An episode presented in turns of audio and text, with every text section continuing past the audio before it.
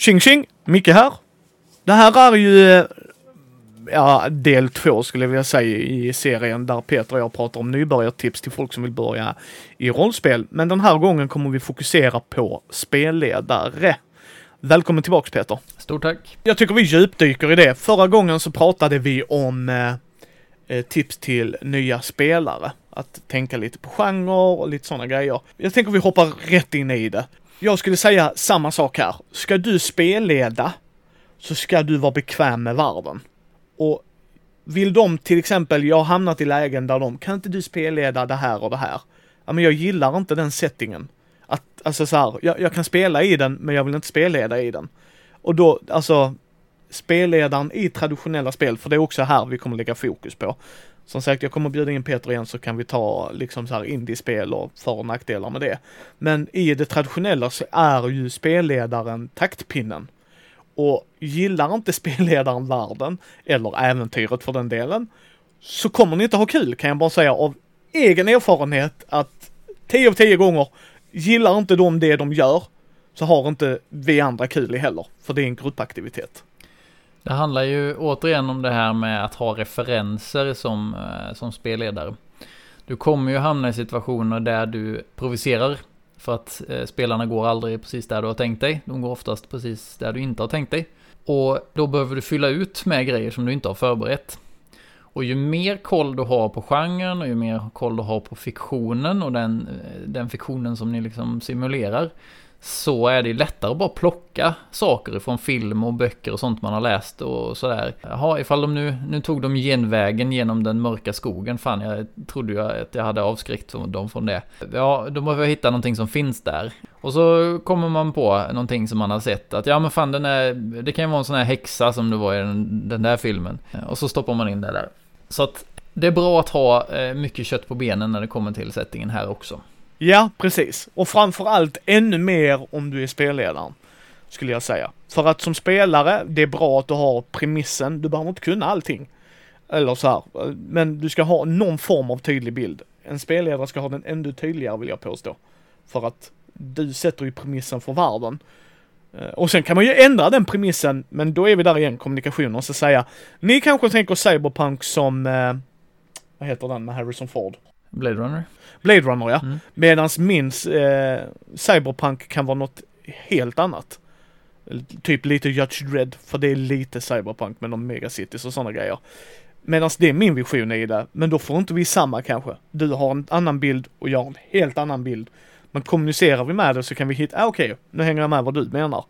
Och ändå kunna få ut någonting ut av det. Tänker bara att man, man får ju också vara lite flexibel med Alltså, eh, nu är det ju, spelledaren har ju någon form av yttersta ansvar eller tankar kring spelvärlden för att det ska passa ihop med den som de har förberett i övrigt.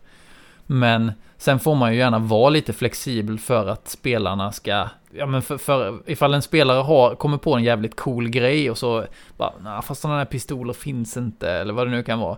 Så bara, men eh, hitta då på att det finns någon annan sorts jävla pistol då, bara så att den får göra sin coola grej. Eh, för att det, det ser jag som en risk att man skjuter ner en massa idéer som spelarna har bara för att man har en så himla bestämd uppfattning om hur saker och ting ska eller borde vara. Det håller jag med dig om Peter. Det är mycket kompromiss skulle jag säga i rollspel i sådana här fall. Att ge dem den kula pistolen då. Nu finns det en sån. Det gör väl inget. Det, vad, vad tar det ifrån dig?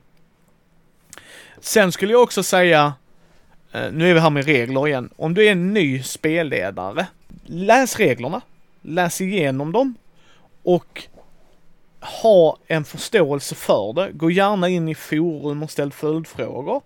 Du behöver inte kunna allting perfekt. Det är inte det jag säger. För det kommer du inte kunna göra när du sätter dig vid spelbordet första gången. Jag menar, vi spelar brädspel och så gör vi fel fortfarande första spelpartiet.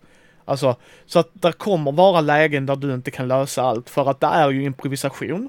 Det är ett samtal vi har som Peter har sagt i förra avsnittet. Och då kommer det komma lägen där regelboken förklarar det.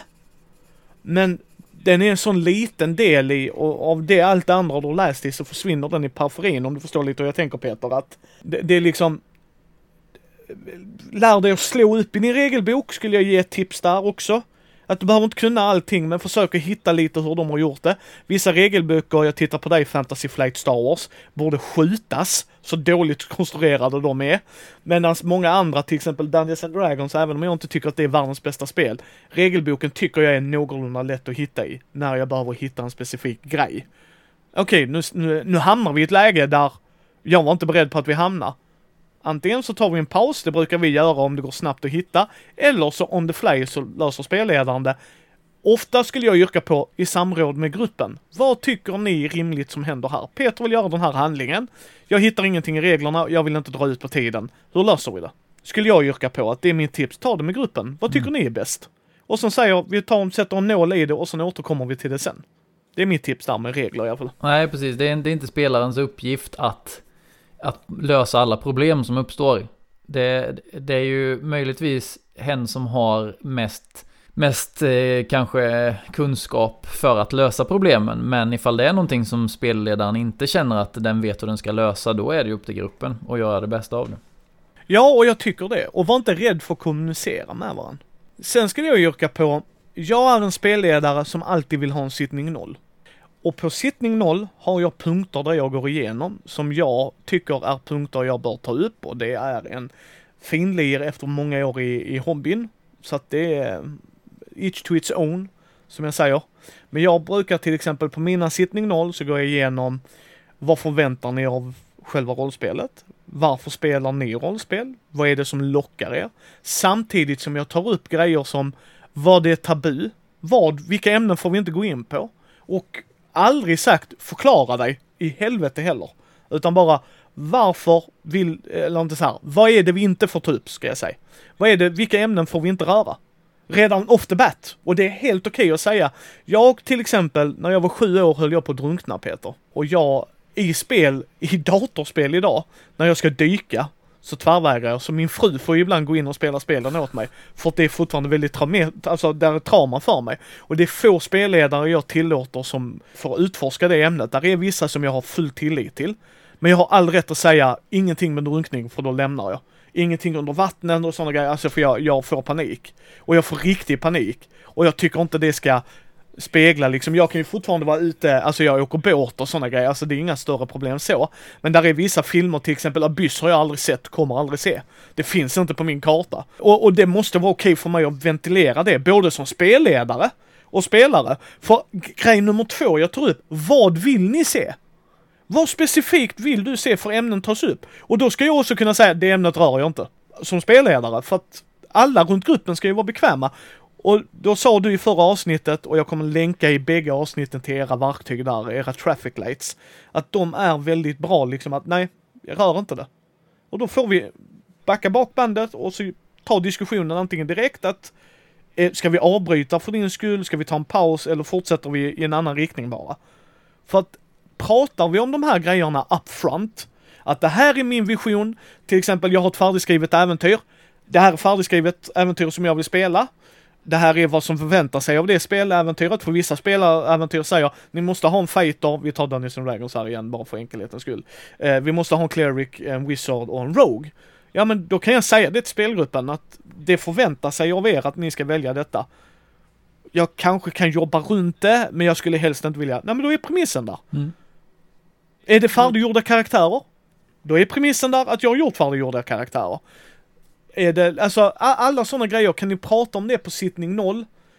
Så, som Peter sa sist, har ni ett bra samtal då, så har ni ett bra samtal, eh, större chans för ett bättre samtal sen också, skulle jag säga. Ja, och en sak som man kan lägga till där när det kommer till säkerhetsverktyg eller trygghetsverktyg, det är ju att det kan vara ganska svårt att förhålla sig till som spelledare. För att har du då förberett en stor kampanj, Spindelkungens pyramid, och sen så presenterar du det för dina spelare och de bara, nej men eh, jag har spindelfobi, kan inte ha spindlar. Så bara, ja men då, då kastar jag väl här i soptunnan då. Och, och det kan vara ganska, det kan finnas mycket som man har förberett som spelledare som riskerar att skjutas ner mm, på grund av olika anledningar. Men jag tror att man, man kan alltid lösa det ifall man vill, men det man måste vara öppen för är att det kan hända. För att det absolut värsta man kan göra det är att ha ett trygghetsverktyg som man sen inte respekterar. Eh, det har jag också varit med om eh, och det, det kändes inte alls bra. För som sagt, man måste, man måste vara överens om premissen att deltagarnas känslor är viktigare än spelet. Och, och som spelledare kan det då betyda att du behöver hitta på helt nya grejer som, eh, som du inte alls har förberett. Det kan, det kan ställa, ställa till det för dig, men det är fint att säga att ja, men då måste jag ta lite tid att förbereda nu, för jag visste inte att, det, att vi inte kunde använda det. Så då får man ta en paus och så, och så löser man det. Ja, nej, men det håller jag med dig om. Det är inte lönt att vi har säkerhetsverktyg och inte använder dem. Då är det bara kontraproduktivt tycker jag. Utan använd dem och respektera varandra är jätteviktigt. Jag, jag tycker det är fantastiskt viktigt liksom. Alltså, alltid ha respekten för den andra, att de inte gillar det på ena eller andra sättet av, av anledningar de inte ens ska behöva gå in på. Vill inte de prata om det så vill de inte. Vill de prata om det så är det bara jättekul att de vill prata om det för att då kanske man kan få lite mer förståelse för det. Men vi måste få någonstans sätta ramarna själv ju, för det är en väldigt intim aktivitet. Och det, det, kan ju också vara så att man inte vet om sina egna gränser riktigt. Så att mm, if, även ifall det ställs frågan på första spelmötet och man säger att nej men jag tror jag är fine med allt. Och sen så visar det sig att man hamnar i en situation där man bara fan det här känns olustigt ändå. Jag kan inte riktigt säga vad eller varför men jag, jag skulle bara föredra att det inte var på det här sättet som det nu verkar vara. Då, då ska man ju kunna ändra sig och säga att nej men det, det här Eh, det här skulle jag vilja vara annorlunda. Och så, så, så, så, löser man det. Ja, men det håller jag med dig om. Sen, sen skulle jag vilja yrka på ett annat tips jag har till nya spelare, eller spelledare. Mm. Ta inte åt dig av för mycket av vad andra gör, men samtidigt kanske ta en liten titt på det. Alltså, du kommer inte vara den nya Matt Mercer nödvändigtvis. Alltså där finns ju en Matt Mercer-effekt som man säger. Och det pratas man faktiskt om att man hör grupper som säger ja men Matt Mercer gör ju på det här sättet i critical role. Mm. Och jag yrkar på, gå och sätta dig och spela med honom då för att uppenbarligen gör inte jag så. Till exempel, jag gör inte röster i rollspel. Varken när jag spelar min karaktär eller när jag spelar eh, som spelledare. För jag är jättedålig på det och tycker att kan jag inte göra det bra vill jag inte göra det alls. Då kan inte en spelare säga till mig att du måste göra några röster, för då kommer jag säga då kan du gå härifrån. För vidare där igen, då respekterar inte du mig. Men samtidigt, om du vill göra röster, där finns det ju mycket tips och tricks där folk rekommenderar. Du, jag gick in här och kollade på den här vocal coachen på YouTube och sådana grejer. Så att man kan ju ta tips och tricks och kolla liksom, vill du göra röster och så. Men någonstans måste man också förstå att bara för att Kristoffer, vi tar det som exempel, det är en kollega till dig, eh, gör det i Svartviken rollspelspodd, måste inte ni göra det. Man måste inte ha bakgrundsmusik vid spelbordet för att andra har det. Det är inte det, utan man kan prata om det. Vad föredrar ni? Vill ni ha? Och då vet jag spelare som säger, ja i strider gillar jag musik, resten inte. Okej, okay. skitbra ju. Det, liksom, för dem så här, ja men i strider då, då diggar jag det. Då vill jag ha lite upbeat och så här. Då kommer jag mer in i stämningen. Resten så bara stör det mig. Okej, okay, ja men det är schysst ju. Mm. Men ta gärna tips och tricks från poddar, Youtubes, alltså Twitchare och allt sånt där. Men kom ihåg också bara för att dina spelare, eller du, du behöver inte göra någonting här. Du behöver inte göra handouts om du känner att jag är jättedålig på det här. Alltså, det är inget tvång någonstans. Hitta din stil och, och det kommer att experimentera, skulle jag vilja påstå. Jag vet inte vad du tycker där Peter. Om att experimentera? Ja men alltså att det är så man hittar sin stil. Att ja, är ja. du nyfiken på att prova att göra röster, prova att göra röster. Ja, visst. Är det inte för dig liksom så, nej, det var inte för mig och då kan man säga det till gruppen, jag provade, jag, jag är inte bekväm med det. Så gör inte det då. Alltså gestalta det på andra sätt, liksom, till exempel. Det ska ju vara, det ska ju vara en, en trygg social situation för alla som deltar och även spelledaren. Alltså, du ska kunna prova nya grejer och du ska prov, kunna prova nya identiteter. Eh, alltså så här, du ska kunna prova att vara någon som du kanske inte alls känner sig bekväm med att vara. Sen, men att prova ger ändå någon ny insikt och så kan man lära sig lite nya saker om sig själv och sådär. Det är ju på något sätt det som gör aktiviteten meningsfull i mina ögon. Ja, och sen här är också en sån grej som jag, som spelledare, så kommer du nog lägga, beroende på hur du spelar och vilken typ av spelledare du är. Men om du är en som preppar mycket, jag gillar ju indiespel som Peter och jag kommer att prata om i en annan bubblare, där det helst no prep är min favorit. För då kan man verkligen bara, nu ska Peter och jag få spela rollspel ihop. Och det menas bara att jag åker ut till honom i Ljungby och går hem till honom och sen så bara kör vi, alltså det är så här, vi har kul direkt från början. Men i traditionella spel så är det oftast en form av förberedelse man gör. Vissa gör väldigt lite, andra mer. Och det kommer man med genom åren hitta sin stil. Men var tydliga med förmedla till dina spelare om du tycker att de inte respekterar det förarbetet du har gjort. För jag har haft spelare som bara ställer in i sista sekund för att de inte bryr sig. Och då har jag tagit ett snack med dem av, alltså avsides och sagt att det här är inte okej. Okay. Jag förstår att vi är vuxna och liv händer. Det är inte de grejerna jag pratar om heller gott folk. Men att de bara, nej men jag kände på att gå, fest, på, gå på en fest istället som en polare bara spontant slängde ihop. Detta var innan coronan ska sägas. Uh, och då, nej men liksom, och då, då sa jag att du respekterar inte mitt arbete jag har gjort här. Det är inte okej. Okay. Då, då ska inte du vara med och spela med oss. För inte nog med att du inte respekterar mitt arbete, vi är vuxna människor. Där är folk i våra grupper som har barn. Som tar tid ifrån familjen för att göra den här hobbyn. Och när du bara ställer in, i det här fallet till den här individen, så förstör du för så många andra. Att man måste vara okej okay med liksom att sitta inte där och bli sur på det, ta det direkt tycker jag. För att absolut att de kan ha en annan inställning till rollspel och det får de ju ha. Men då får man ju också säga, då får du inte vara med och spela med oss. För då kommer inte det fungera för oss. Nej, det hör ju ihop med förväntningarna. Yes, mm. för att det är liksom hur du förbereder och där är inget korrekt sätt att förbereda. Det är så otroligt individuellt och det är någonting du kommer lära dig allt eftersom. Att vissa läser äventyret precis innan de går in och spelar. Ja, så okej, okay, nu kör vi liksom och det räcker för dem.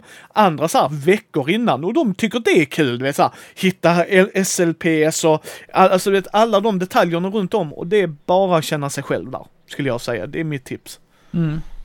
En av mina favoritmetoder när det kommer till för förberedelser, det är ju att förbereda löpande lite i förväg, men inte liksom långt i förväg. Så att man har sin session zero där man skapar karaktärerna och ser vilka de är. Och sen så är det upp till spelledaren att hitta intressanta motsättningar och hooks i den premissen som man sen kan använda sig av när man börjar spela. Och sen så tar man och kör igång och man kan ha ett ganska så här utforskande spelsätt. Alltså att man har lite vardagsscener bara för att se hur Ja men framförallt för att få spelarna att bli bekväma med den här situationen också. För det tar ju ofta ett litet tag att bli varm i kläderna när man rollspelar. Men sen så har man helt enkelt en liten lista på hooks eller grejer som man är sugen på att slänga in. Och sen så går man på känsla egentligen och stoppar in de här grejerna lite när det känns som att det passar. Och sen då så spelar man färdigt sessionen och då blir det förmodligen lite improvisation där, men sen efter sessionen så då sätter man sig ner och, och klurar lite igen. Hmm, hur, vad, vad, skulle vara intressant att, som, att hända nästa spelmöte? Eh, och så är det återigen då, alltså ett par punkter bara. Man behöver inte förbereda mycket alls, eller man behöver inte förbereda några kartor eller vad fan det nu är. Utan det är bara att alltså lösa en meningspunkter så här med vad, vad man tänker sig kan hända. Och sen när man väl kör igång nästa spelmöte så börjar man där man slutade förra gången och sen ser man när det passar att slänga in de här nya grejerna. För då, då blir det liksom inte det här, alltså om du, om du förbereder en, ja nu kommer inte det här synas, men alltså det blir ju som någon form av pyramid sådär. Du börjar på ett ställe och sen förgrenar det sig och sen förgrenar varje förgrening sig ytterligare ett par gånger med olika alternativ. Och ska man förbereda för alla de här olika eventualiteterna så är det skitmycket jobb när man vet om att det bara är då ett par noder av de här som de kommer välja i slutändan. Så allt, inget av det andra kommer att ses. Så att för att undvika det så räcker det liksom att man förbereder nästa, nästa nod, eh, så, eller ja, de här eh, grejerna som kan hända nästa gång. Och sen så skiter man i det som inte blev av. Ja, där skulle jag säga att det handlar ju om, och det kommer man nog komma in i, hur man är som spelledare. För jag är ju en spelledare där jag vill veta grundplotten. Alltså jag har en bad guy, varför är hen en bad guy? Och eh, vad driver hen? Sen kan jag börja där. Okej, okay. och, och, vilken setting jag är i då. Liksom Cyberpunk, då är det ett megaföretag också så här. Men som, som Peter säger, och jag, jag tror Peter och jag pratar av erfarenhet, både som innan vi spelar indiespel och det. Vad en annan spelare gör är inte nog vad jag har tänkt mig. Jag har haft spelare som verkligen, säger, äh, jag går höger och så bara, kan man ju också göra. Det här ställer ju till, oj! Du vill förhandla med skurken säger du. Joina, det här har jag ju inte. Aha, okej. Okay. Och då, ha det i åtanke liksom att hitta, hitta ett sätt som fungerar för dig. För att spelare kommer göra grejer som du inte har tänkt på. Och ignorera grejer du har tänkt på. Jag, jag är av eh, devisen jag skriver bara problemen, aldrig lösningarna. Mer eller mindre. Ibland kan jag, alltså är det ett pussel så är det en lösning till det. Men generellt sett så här. Ja, om vi spelar superhjältar, för det är en genre jag gillar. Du är hjälten Peter. Lig, eh, knarksmugglarna är i det huset. Så, då har jag gett han. De är i det huset. Hans efterforskning leder dem till det huset. Sen kan jag ju tänka i mitt huvud att de borde väl ha fyra, fem vakter, alltså sådär. Ja, men jag skriver aldrig att för att han ska kunna lösa detta måste han gå in via taket, ner tre våningar. Alltså, nej. För att det har jag lärt mig så jävla hårt gott folk. Att jag kan sitta med den lösningen och sen kommer någon, ja vi spränger huset. Jag har haft spelare som har gjort det. Så bara, ursäkta vad? Jag spränger huset. Jaha. Ja, ja, då har vi uppenbarligen olika definitioner på vad en hjälte är, men sure. alltså, jag, liksom. jag hade ju en, en, en session nu för inte så länge sedan där det var några som eh, gick ner i en grotta då när vi spelade Dungeon World. Eh, ja, sen så kommer de in i det första rummet där och sen så säger jag att ja, det finns eh, en, en, eh, en väg till vänster och det finns en eh, liksom trappa ner i golvet och sen så finns det liksom en, en ja men som en dörrkarm som är med, som är, ja men som, som, som det bara är en, liksom en, en stenvägg bakom. Eh, och då, då, alltså det, utan att liksom titta in i de andra rummen, eh, eller att liksom kika efter vart de här andra vägarna ledde, då tänkte de omedelbart att ja, det måste vara någonting med den här väggen, den här dörrnischen där, eh, så att eh, jag ser om jag kan ha sönder den. Så, och så, ja, då hade jag ju då tänkt att det skulle vara ett, ett hisschakt där då själva hissen inte var uppe. Så att hissen var någon annanstans i det här schaktet. Och att när de sen hade gått vidare på de olika andra ställena så skulle de hitta hur de kunde sätta igång maskinen så att hissen skulle börja funka igen. Eh, och, och, sådär. Och det slutade då med att eh, de försökte istället eh, fästa ett rep så att de kunde hissa ner sig i hisschaktet. Och så bara, varför ta den svåraste vägen? Eh, yes. Jag vet inte, men eh, det är sånt som händer. Ja, och där, där kan man ju vara lite på tårna. Sen Sen skulle jag också säga, för den frågan får man oftast också. Ska jag köra eget skrivet från början eller ska jag köra eh, ett färdigskrivet äventyr? Och jag kan bara säga där, each to its own.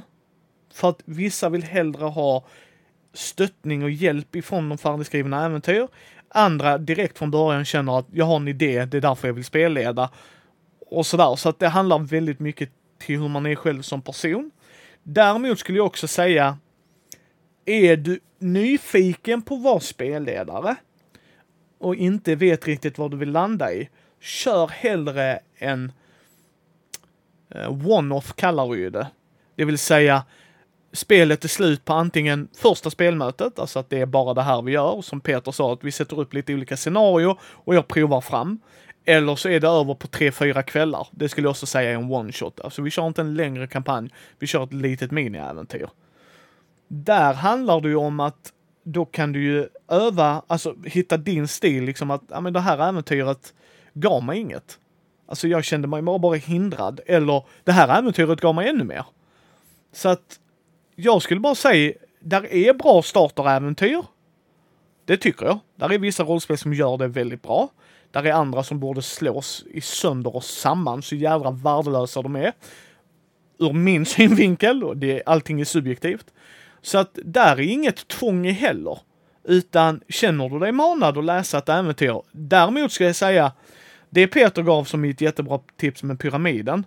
Den försvinner när du läser ett färdigt skrivet äventyr kan jag säga. För att ibland, ibland, 80% säkert, så är det skriptat. Alltså de måste gå hit för att göra det här.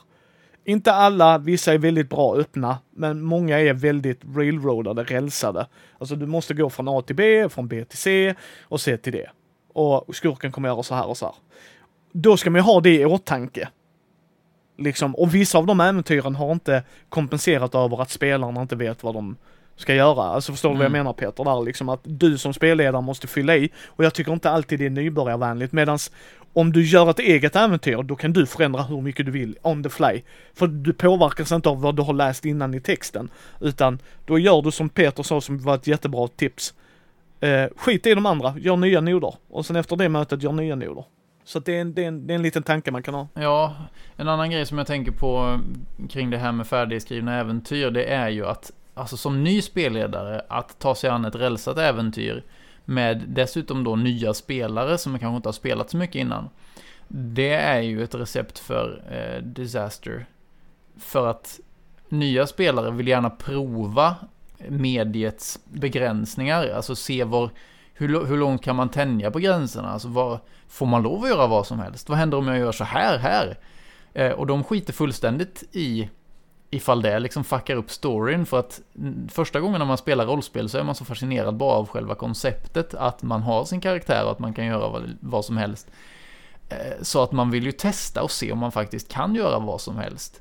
Och, och det gör ju ofta då att de är inte alls intresserade av att följa den här, det här breadcrumb-spåret. Eller risken är väldigt stor i alla fall.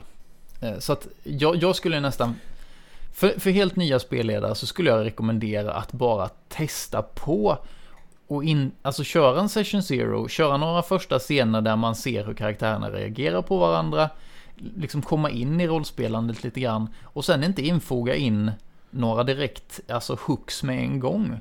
Alltså det behövs inte för, till session zero för att det finns så mycket mellan karaktärerna att utforska. Så att ifall, även om då första eh, mötet känns lite riktningslöst så, så kan man ju foga in en riktning sen. Alltså att det, det kommer någon, det dyker upp någon nästa möte som då ger lite riktning till dem. Men då har man i alla fall lite mer, eh, då, då, då har man känt sig lite mer bekväm med aktiviteten innan man lägger ner skitmycket jobb på att läsa in sig på ett äventyr och sådär. Eh, men det är ifall man gillar att pre- preppa själv då. Mm. Ja men precis. Jag, jag skulle säga så här också, vi kör lite avslutande ord här innan vi kommer in på tipsen. Men en grej jag tycker definitivt spelledaren ska propsa på. Ha ett samtal efter mötet. Planera in om ni känner att en kvart räcker eller om en halvtimme skulle räcka och så. Och ta det från gång till gång. Vissa gånger kanske bara en kvart räcker, andra gånger behövs det en halvtimme. Men planera in det, för att när ni har sittning noll ska ni också, tycker jag, ta upp eh, hur länge vill ni spela, allt det där med förväntningar liksom. Hur, hur, vissa vill bara spela tre timmar. Och det funkar ju. Men ta tid ur det och ha ett samtal. Och vissa gånger kommer ni inte behöva ha ett samtal och sådana grejer. Men planera inför det, för jag tycker att det är givande. Vad gillade ni med kvällens spelmöte? Vad gillade ni inte? Vad, vad kan vi förbättra? Vad, vad, alltså, alla får komma till tals liksom. Att hur kan vi göra den här aktiviteten roligare för oss alla? För det är gruppaktivitet och då, och då är det ett bra, då är det liksom ett safe haven och jag gillar de korten som du sa innan, liksom traffic lightsen som ni använder, eh, som ni liksom producerar och det. De, de är också jättebra, men det är också, tycker jag, bra att avsluta kvällen med, eller dagen, med att ta ett samtal. Vad tyckte ni? Vad, vad var det givande? Var, var problemet intressant? Var det med hisschaktet, var det en intressant lösning liksom? Och, eh, och jag brukar låta spelarna brukar kunna fråga mig, gick det som du hade tänkt dig Micke? Bara, hell no. Redan där gick ni liksom åt ett håll jag inte var förberedd på. Men de tycker det är också givande för att de märker de, jag hade ju en spelare som sa till mig, jävlar vad du får världen att verka mer levande. Jag vet inte vad du har planerat och inte planerat. Alltså, att få lite insyn i det. Så mitt sista tips där är att ha ett samtal med varandra efter varje spel, eller hitta ett sätt, men liksom åtminstone efter några spelmöten skulle jag säga. Det tycker jag också är en väldigt bra, eh, en bra grej. Att Få lite feedback på aktiviteten. För oftast är det, ifall man inte frågar efter feedback så får man heller inte så mycket feedback. Eh, och som sagt, det uppmanar ju till eh, diskussion och dialog. Och det är bra. Ja, sen tänkte jag vi skulle avrunda med lite tips på nybörjarvänliga spel. Eh, som jag tänkte jag skulle fire away här. Du får gärna pitcha in om du har något också. Mm.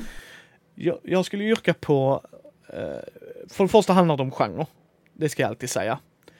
Där är en bra starterbox till Dungeons and Dragons som jag tycker är prisvärd. Varför jag rekommenderar starterboxar är för att det är oftast en billig tröskel in i någonting. Gillar ni inte Dungeons and Dragons och spelat Dungeons and Dragons starterbox så är det 300 spänn back bara. Bara inom kaninöron. Men jämfört med att ska ni investera en massa böcker det kommer att kosta dig mer än 300 spänn att vara spelledare i Dungeons and Dragons kan jag säga dig. Eh, det är bara så, det är den realiteten. Så att jag skulle säga starterboxen eller essential kit skulle jag rekommendera i den om ni vill börja med Dungeons and Dragons. För jag tycker, jag har gjort videos på det också, men jag tycker de har en intressant take on it. Starterboxen är ett rälsat äventyr, men där är färdiggjorda karaktärer, så det är mer eller mindre bara för spelledaren att läsa igenom äventyret. Men spelarna får varsin karaktär och den håller dig i handen genom allt. Essential Kit är lite mer öppen, för då får spelarna göra fortfarande inte hela playerboken, men ni får göra karaktärer och lite sådana grejer. Man får lite spelledarskärm och lite lullull-grejer och sånt. Sen gillar jag starterboxen till eh, uh, ur varselklotet. För jag tycker den är intressant. Uh, för då får du spela barn på 80-talet, så gillar man Stranger Things-temat där. Då hade jag rekommenderat den. Tycker den är väldigt här, det var ett bra introäventyr. Samma sak, färdiggjorda karaktärer, man kommer in i det lite snabbare. Och en liten billigare tröskel. Sen skulle jag yrka på Gudasaga, som dina kollegor har gjort. Ja, just det. För även om det är lite indiespel, för det är det ju inte lite, det är ju indie. Mm. Men det är ju ett spel som håller dig i handen på många sätt och vis. För du har bra slumptabeller så att du behöver inte preppa någonting som spelledare. Och det är en intressant mekanik jag gillar Gudasaga jättemycket. Jag har haft jättekul med det med nybörjare också. Liksom just för att de, vad är förväntningen? Ja men vi ska berätta en episk, stoisk vikingasaga såklart. Liksom, vi är gudar. Vi liksom, vi, vi väljer vad vi vill gå för riktning och jag tyckte det var väldigt givande att se. Då ska jag yrka på att skriva ut karaktärsbladen, för det höll dem i handen jättemycket. Att när de kunde titta på sitt karaktärsblad, för de var jättebra också. Att, ja men då gör jag så och så den mekaniken fungerade så. Mm. Det är lite lustigt med Gudasaga egentligen för att det är ju som du säger inte ett traditionellt rollspel. Och det är dessutom ett väldigt rälsat rollspel. Eh, där yes. det alltid slutar med att de löser problemet i slutändan. Eh, och, eh, men däremot så är det... Eh, jag upplever också att det har funkat väldigt bra med nybörjare. Just av den anledningen att det blir så tydligt vad det är man gör. Alltså det handlar ju om att lösa de här problemen som man ställs inför och så har man ju sina eh, egenskaper och ja, sina föremål och sådär som man, som man använder för att lösa det. Och det är ju inte jätteskilt egentligen från det man gör i Dungeons and Dragons. Eh, eh, alltså det liknar ju den situationen ganska mycket även fast det här är ett indiespel då. Så att eh, jag, jag tycker det är, det är intressant att du tar upp det i den här kontexten för jag har inte riktigt Jag har inte tänkt på det så mycket innan, jag har bara tänkt på det som ett indiespel. Ja, det är ju ett indiespel och som sagt, Peter kommer komma tillbaks längre fram där vi pratar om indiespel om man vill prova den genren och vilka tips och tricks vi kan ge då. Eh, så det, där kommer en sån, men jag tycker fortfarande det är nybörjarvänligt, både för dig som spelledare, att reglerna är typ på en A4 mer eller mindre. Men att du får stöttning och backning med tabellerna att här gör vi en saga tillsammans. Här är hinderna som ska hända. Och att där får man, visst det är indie-flum, flum på ett positiv bemärkelse här. Men liksom, men det, det ger dig lite verktyg i början jämfört med andra indiespel som vi nu kommer att prata om i nästa bubblare liksom. För att där, det skiljer sig så jättestort. Men här tyckte jag att det har hjälpt. För de kom in det direkt som du sa, liksom att ja, men jag vet ju vad målet är. Vi ska från plats A till B i det här fallet och här kommer hända utstakade grejer som kommer hända. Sen hur logiskt det är? Nej, det är en saga för helvete. Det liksom logik här är inte så jätteviktigt. Uh, så att ta en titt på starterboxar överlag. Hjältarnas tid skulle jag rekommendera. Jag tycker Christer Sundelin har gjort ett jättebra jobb där för att hålla det. Har du kids att spela med, sagospelet Äventyr är ju Alltså det han har gjort med sina barn där Daniel Leto ska en eloge för. Så där är sagospelet eh, Handbok för superhjältar. Finns ju också. Sagospelet Rymd finns nu. Så att där är för olika åldrar också och sånt. Så att mitt, mitt sista avrundande här. Ta chansen och var spelledare. Jag tror du ska, om, om man är intresserad av det, det kan vara väldigt givande. Absolut. Eh, tack återigen Peter att du har varit med. Eh, länkar till Bläckfisk förlag är i shownotesen som vanligt. Och eh, ja, jag ser fram emot nästa bubblare. Det här är jätteintressanta ämnen att ta upp. Så tack så mycket Peter att du var med. Tack för att jag fick vara med, det var kul. Ni hittar oss på mindy.nu, Mindys bräd och rollspelspodd på Facebook, Twitter, Instagram, Youtube. Ta gärna och ge oss ett betyg på iTunes eller på vår Facebook-sida så fler kan hitta oss. Eh, Vill ni stötta oss, ta en titt på vår Patreon så hörs vi nästa gång.